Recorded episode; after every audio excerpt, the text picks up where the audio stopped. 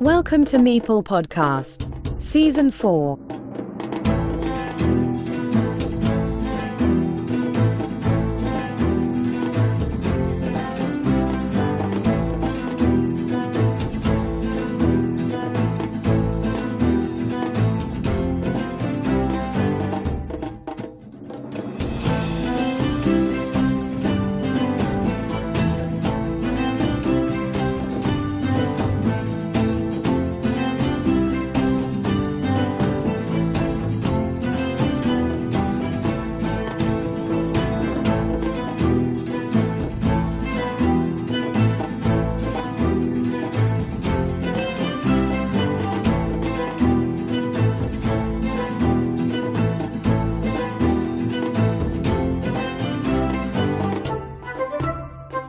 A year and a half after his first interview on this channel, we are pleased to have in our program Alexey Pegushev, the current runner-up from the Carcassonne World Championship in Herne 2023. Streamer, YouTuber, BGA master, great and very interesting man in the international Carcassonne community. Alexey, welcome one more time to Meeple Podcast. Great to talk to you again, Joaquin. Gracias por invitarme. I have a lot of questions for Alexey. Are you ready? Let's go. The first question Matt Tucker. He beat you in the last MSO, in the last UK Championship, and finally in the recent World Cup in Germany. Maybe you are stronger than him, but all of us find another player whom is possible to knock out. The same feeling I have when I meet someone you know on arena competition you have when you play against Matt Tucker in person? Oof, uh, you're going straight for the jugular, Joaquin. Well, I'll tell you more. It's not just Matt, but the entire British team. In in-person Carcassonne tournament, I have a negative record against Matt Tucker, Nick Basti, Chris Wallace, Dan Chard, and Van Gielem. I clearly moved to the wrong country for playing Carcassonne. Of course, the sample size in most of these cases is just one game, and there are exceptions to this, but my British curse is a curiosity I like to laugh at sometimes. In all seriousness, I've played and lost so many games online that things like this don't really change the way I play. What happened in the previous game should not have an effect on what will happen in another game. When I find out I'm paired up with somebody against whom I have a negative record, the sinking feeling of, oh no, I'm going to lose again, the kind of feeling that you're describing just does not occur to me. I sometimes get the opposite intrusive thought of, okay, now it's revenge time. But this is also not a good mindset since any premature thought about the outcome of the game can be a distraction. So, I consciously worked as part of my preparation to make sure nothing like that occurs at the 2023 World Championship. Also, there was no real reason to have negative thoughts before my games with Matt at the World Championship. When we met in round 5 of the preliminary stage, we were both in good spirits as we had just secured a spot in the playoffs, so there was no pressure on either of us. The stakes of that round 5 game were not that high. And when we met in the final game, from my perspective, because of our round 5 game earlier that day, Matt was no longer this undefeated opponent. So technically, I was the side with the momentum, and the ball was in Matt's court to try and get even for the day. I'm not sure how it affected Matt's thinking, if at all, but to me, the events of the final game did not feel predicated on our previous tournament history. Last year, April 2022, I asked you the following question. In your first interview on Meeple podcast, someone is going to play a face to face final. What advice would you give to him? That was the question. But that Saturday, 7th October of 2023, you were the one in that situation. You answered me last year that it's an important thing to study the opponent and go for positions he doesn't like, but in the final with Matt, it seemed the opposite. Tucker had studied you because he said in the interview as world champion that you asked him to meet for playing before the World Cup, and it was at the end in Watford. You both play three games, but you both know each other quite well. You have played twice in the last two MSO events, last UK Championship those three matches in Watford and twice in this World Cup, a part of the games you have played on BGA. You first won the previous game in the Swiss system stage, but the grand final was different. Explain to the listeners how it was for you. What's your opinion about that match, please? It wouldn't be accurate to say that Matt had somehow studied me. It makes it sound almost malicious. Uh, he has watched and commented on my YouTube videos, of course, and even made an appearance on my channel once when we were co-commentating a World Team Carcassonne Online Championship match. But other than that, it's not like he was particularly preoccupied with gathering anti-Lexi intel or anything. After all, we were not exactly planning to play each other in the finals in the first place. When we had our practice session in Watford, we knew that playing each other at the World Championship was a theoretical possibility, although again, neither of us thought it would occur twice, nor that it would be at such a late tournament stage. But this wasn't the purpose of our meeting. We just got together to talk all things Carcassonne and get in shape for the championship. And given the overall championship results, it is fair to conclude that we both benefited from that practice session, at least I can say this for myself. But going back to the core of your question, which is what was it like to play in the final against somebody with whom you have a long history? I followed what I said in our previous interview. I knew just as much about Matt's style of play as he knew about mine. So, for example, Matt seems to thrive in closed positions with a larger number of small features rather than open positions with one big decisive feature. You know, uh, his type of game is a game where both sides have six meeples blocked, both sides are starving for points, one side is maybe trying to stick on a shield onto their ruin to get extra two points, and the other side maybe has a tiny six point field with just one extra square to drop a city cap, and then that side desperately tries to fill that gap with a city cap so that that nine point field, no, so that that six point field turns into a nine point field, and then one of the sides wins by like three points. You know, that kind of game. So I figured that if the tiles allow, I would play an open position. You know, one where both sides get to place 20 meeples per game, score 100 plus points, and the victor is determined foremost by efficient tile use. This is where the game was initially headed, and to my surprise, Matt kinda cooperated in that regard. On move 2, he drew a double city cap tile and had a choice of several places where to start a new city, and this choice would have a lot of influence on the future board texture. And he quite quickly chose a placement that opened up the board early on, creating a lucrative monastery spot, a six point field with a lot of growth potential, and a shared completable medium sized city for both sides to fight for.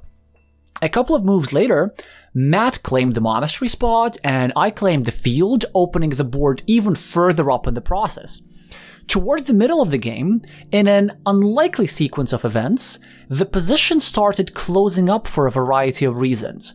I was without a meeple in hand for 10 moves, then Matt was without a meeple in hand for 10 moves, and the position that started out as a point scoring shootout turned into a tight defensive squeeze. When it comes to creating positions your opponent doesn't like, you only have so much control. The priority still remains to play the objectively strongest move if you can find it. If you have a city cap in hand, well, you are going to make the same 4 point city, whether it is against someone you know or a complete beginner. As we were approaching the end of the final game, I had started mounting a comeback from Matt's initial lead on the scoreboard, but as we were running out of tiles, I had less and less time to compensate the point gap, and my win percentage was on the verge of falling to the single digit. There was a moment with 8 tiles remaining when maybe, instead of trying to find the best move objectively, I could have utilized the fact that Matt was getting low on time and played different move that gives Matt more options, simply trying to provoke him into making a mistake. However, I did not pull the trigger on this idea. Going with a more standard approach did not cost me the game, but with the given tile run out, I would have lost with one point instead of two points.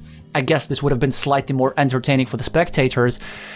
And in hindsight, trying an anti human or anti opponent rather than objective approach to the pre end game in that situation would have probably been my best practical chance, given the difficulty of my position.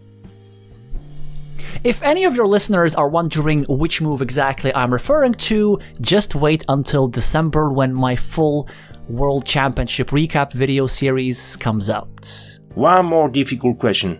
Are you a master on BGA and only an expert player in person? I don't particularly enjoy referring to myself as a master in the first place. Even though it is an actual title, which I have, the sound of it has a conceited flavor to it. Of course, I do use the word master all the time for the sake of YouTube content. I put the word master in YouTube video titles and descriptions to communicate to new viewers that, hey, it's not just some rando talking, the advice they're gonna get has some actual credibility. But other than that, I don't use the word master that much, even for online Carcassonne. So labels aside, the way I, the way I understand your question would be, do I play worse in person than online? To that I say that everybody plays worse in person than online. Every now and then, I find myself in an online game in which my opponent just makes zero mistakes. Never had that happen in person, not even once, in many years of playing Carcassonne. And it makes sense when you think about it. Online, we get to practice thousands of games, and in person, at best, it's hundreds of games. You get better at the thing you practice more. And these numbers are true for pretty much all World Championship contenders if you look at their online game history. Let's take recent World Champions. Maciej Polak, 1500 online games at least. Arpad Gere, 6000 online games. Matt Tucker would be the exception with only a thousand games on Board Game Arena, but he has vast experience in other online mind sports to complement that. I've heard of some players who have a reputation for being not so strong online but very strong in person. However, I don't think they are an exception it seems to me that they are just better at transferring their online experience to in person situations than their competitors are. If we were to objectively analyze the quality of their games in terms of simply the number of mistakes, I'm quite sure their online games would still do better than their in person games.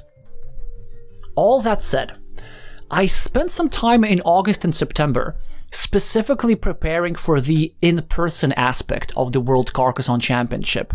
I worked on board vision, tile counting, points counting, time management, and interpersonal interactions. I did not set myself goals for the championship in terms of results, but I did set goals in terms of performance. The main goal I had was to play at a level as close as possible to the level of my online game. And I think I was able to accomplish that goal. I had a good tournament overall, managing to win seven games in a row, most importantly, seven very different types of games. Meeple majority, Meeple minority, Brazilian style field fights, Japanese style imbalance, it all happens at various stages of a tournament for me. I managed to solve some endgames and try out a wide range of strategies, adjusting to the unique properties of each position on the fly. For some of these wins, I got help from the tile stack, and in some of them, I had to climb out of an objectively losing tile runout. Of course, I made mistakes too, as post game analysis of the preliminary rounds has revealed, but not the kind of mistake I wouldn't commit online as well. At least I managed to avoid doing something royally stupid that would cost me an entire game. So, a short answer to your question would be no even though there are undeniable differences between in-person Carcassonne and online Carcassonne, the visuals, the time control, the human aspect of it, fundamentally it is still the same tile placing game. You try find good moves and maximize your winning chances. If you get a city cap, it doesn't matter whether it's a piece of cardboard or a bunch of pixels. The four points taste all the same. Everyone who is undefeated in the Swiss system in the World Cup never become world champion? Okay, then uh, next year, I'm gonna try losing one game on purpose and see if it helps me in the playoffs at all.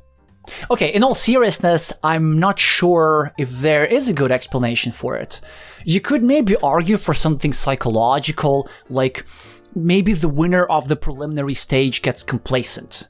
I don't think it was the case with me though. Um, as soon as the preliminary stage had concluded, a friend came over to congratulate me, only to immediately follow up with a reminder Remember, you have not won the championship yet. So, I made sure to treat the remainder of the day with the seriousness it deserves. The real explanation, I think, is boring and simple. After the preliminary stage is over, there are 8 contenders remaining. One winner of the preliminary stage, and 7 other people who are not winners of the preliminary stage. If we assume everybody has an equal chance of winning, roughly, it is a 1 in 8 chance that the winner of the preliminary stage takes down the title, and a 7 in 8 chance that somebody else does it.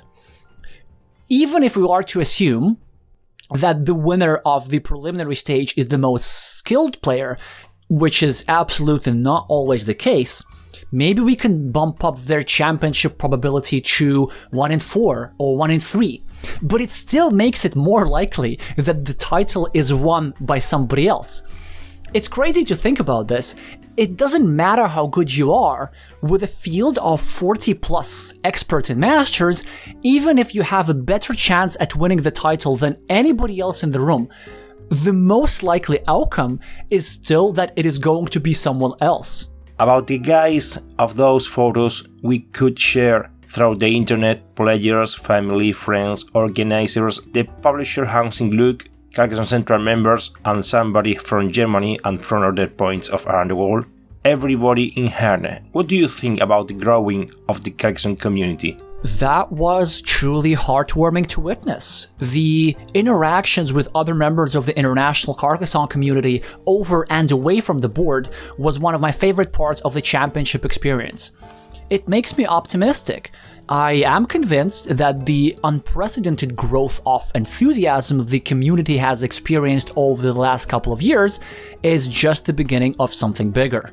In a lot of interviews I do with everyone in this beautiful community, I ask for tips to improve our level in Carcassonne, and many of them says, to view the Alexey's channel. Did you realize the significance of your work as a Carcassonne teacher? Before the World Championship, I had not felt it to the full extent.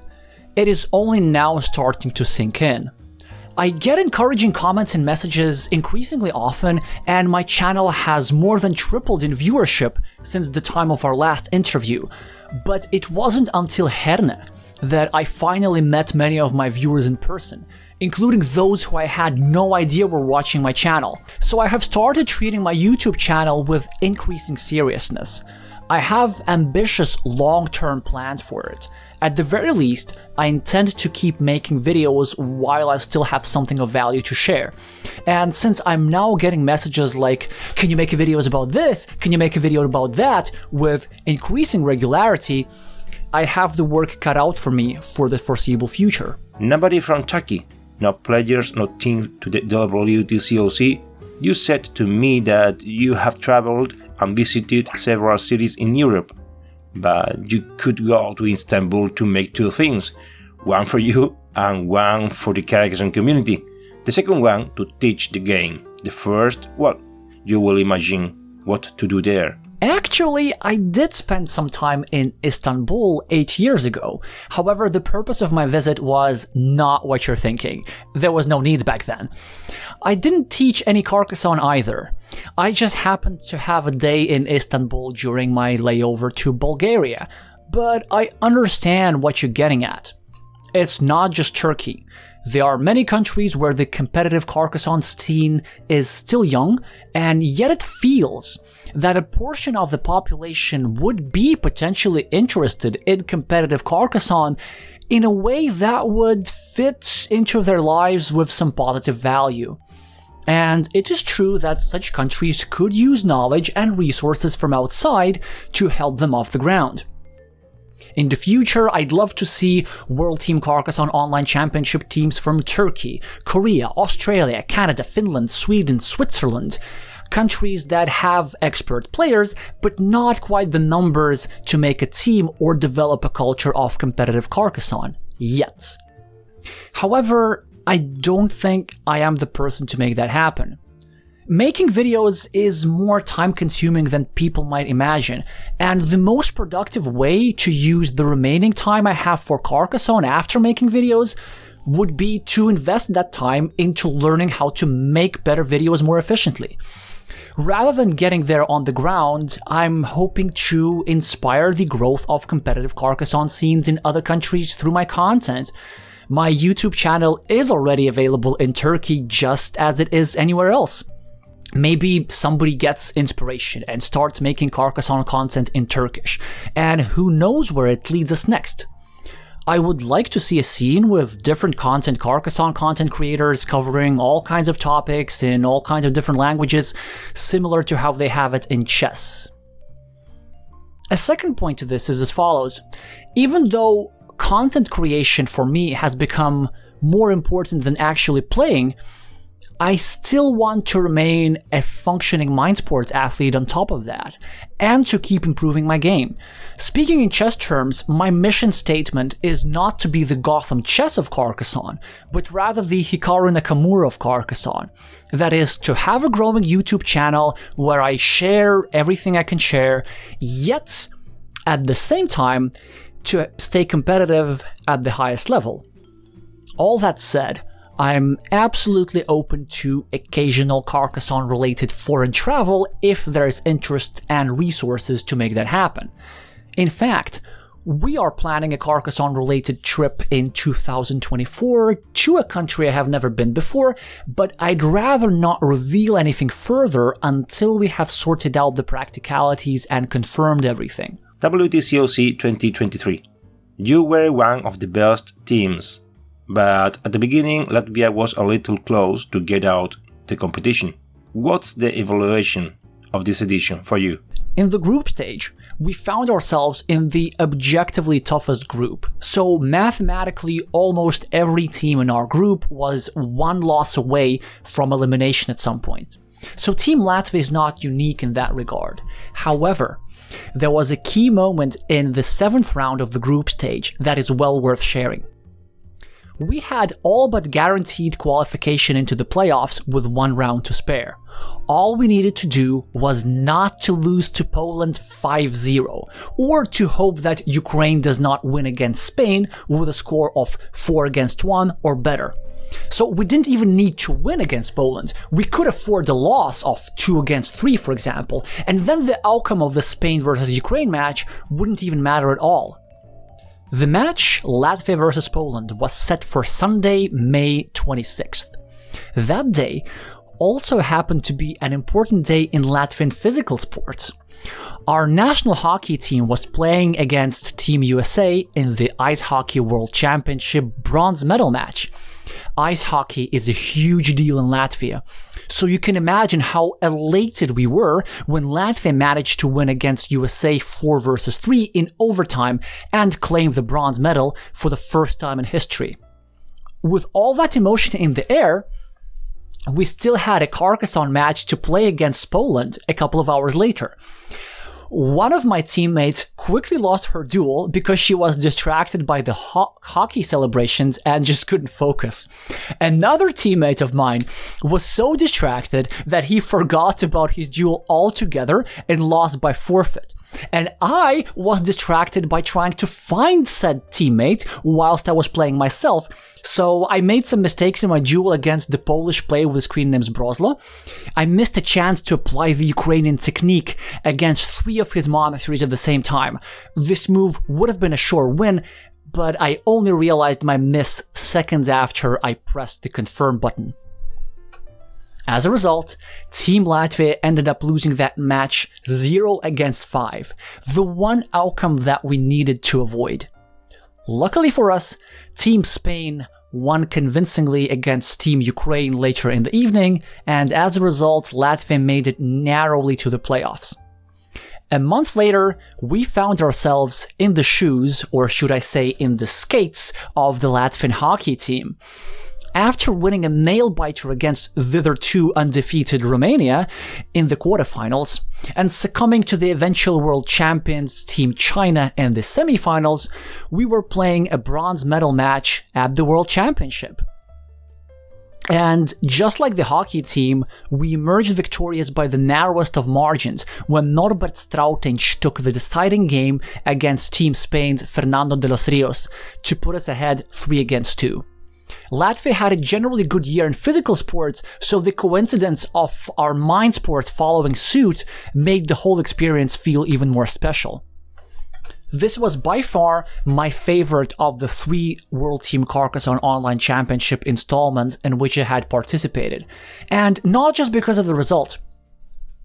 I had the best teammates I could have ever wished for. They were enthusiastic, eager to participate in our weekly Carcassonne practice meetings, and created a positive atmosphere of camaraderie.